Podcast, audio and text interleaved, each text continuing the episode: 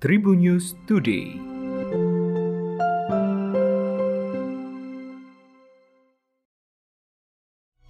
Halo Tribunars, berjumpa kembali bersama Memes yang akan berbagi informasi untuk kamu dimulai dari berita nasional. Wakil Ketua Umum Partai Golkar, Nurdin Halid sempat menjadi sorotan setelah menyebut Golkar siap menerima Gubernur Jawa Tengah Ganjar Pranowo apabila tidak diusung PDI Perjuangan dalam gelaran pemilihan presiden 2024. Setelah pernyataannya menjadi sorotan, Nurdin menegaskan Golkar tetap mengusung Ketua Umum Partai Golkar Airlangga Hartarto sebagai calon presiden 2024. Nurdin mengatakan keputusan Golkar mendukung Air Langga maju dalam Pilpres 2024 sudah diambil dalam rapat pimpinan nasional 2021 pada Maret lalu. Terkait pernyataan Golkar siap menerima Ganjar, Nurdin meminta semua pihak memahami perpolitikan bangsa Indonesia yang menganut multi partai. Lantaran, partai harus memiliki komunikasi politik dan koalisi. Era multipartai lanjut Nurdin juga membuat calon-calon presiden yang diusung dalam Pilpres tidak berasal hanya dari satu partai. Hal ini terjadi sejak era reformasi pada 1998. Berita selanjutnya dari regional Tribuners.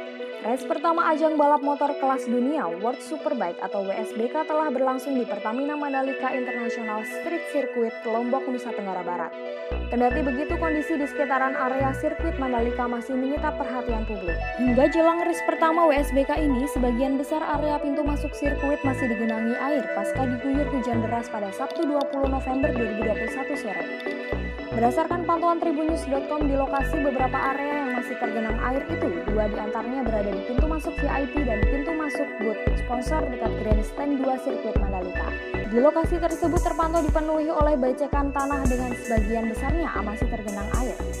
Kondisi tersebut membuat para pengunjung sirkuit terlihat lebih berhati-hati saat berjalan. Bahkan untuk menghindari pengunjung dari keadaan tergelincir, panitia penyelenggara telah menyiapkan lembaran papan alas untuk dilalui. Tak hanya di area pintu masuk, kondisi serupa juga terlihat di beberapa booth sponsor dan gerai-gerai pedagang. Selanjutnya berita selebriti Tribuners. Cita-cita tak sempat menjalani kedekatan dengan aktor Indra Brookman belum lama ini. Namun hubungannya tak bertahan dengan lama. Cita-cita tak mengakui jika ia tak memiliki kedekatan lebih jauh dengan Indra Brookman. Saat ditanya lebih jauh penyebab kandasnya hubungan mereka, Cita-cita tak dengan tegas menyebut ia dan Indra tidak memiliki kecocokan soal tujuan hidup. Namun, Cita tak menjawab lebih spesifik lagi alasan mengapa mereka tak saling nyambung. Kendati demikian, Cita sebenarnya tak mau muluk-muluk dalam memilih pasangan. Ia hanya menginginkan sosok pria yang memahami pekerjaannya sebagai penyanyi dengan segala kesibukannya. Ia juga tak menutup kemungkinan untuk membuka hati dengan sesama orang yang terjun ke dunia musik hiburan. Berita terakhir dari olahraga Tribuners. Kabar duka menyelimuti dunia bulu tangkis Indonesia pada Minggu 21 November 2021. Legenda bulu tangkis tanah air Ferawati Fajrin menghembuskan napas terakhirnya pada usia 64 tahun. Ferawati Fajrin meninggal dunia setelah beberapa bulan terakhir berjuang melawan penyakit kanker paru-paru. Kabar tutup usia Ratu Bulu Tangkis Indonesia ini diunggah melalui media sosial Twitter at Badminton Talk.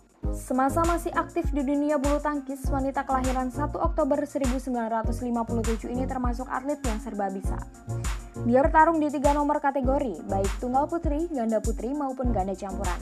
Prestasi yang paling diingat adalah keberhasilannya merebut 12 medali emas SEA Games sepanjang karirnya. Demikian tadi empat informasi terkini yang menarik untuk kamu ketahui. Jangan lupa untuk terus dengarkan Tribun News Today hanya di Tribun News Podcast Spotify dan YouTube channel tribunnews.com. Memes pamit, sampai jumpa. Tribun News Today.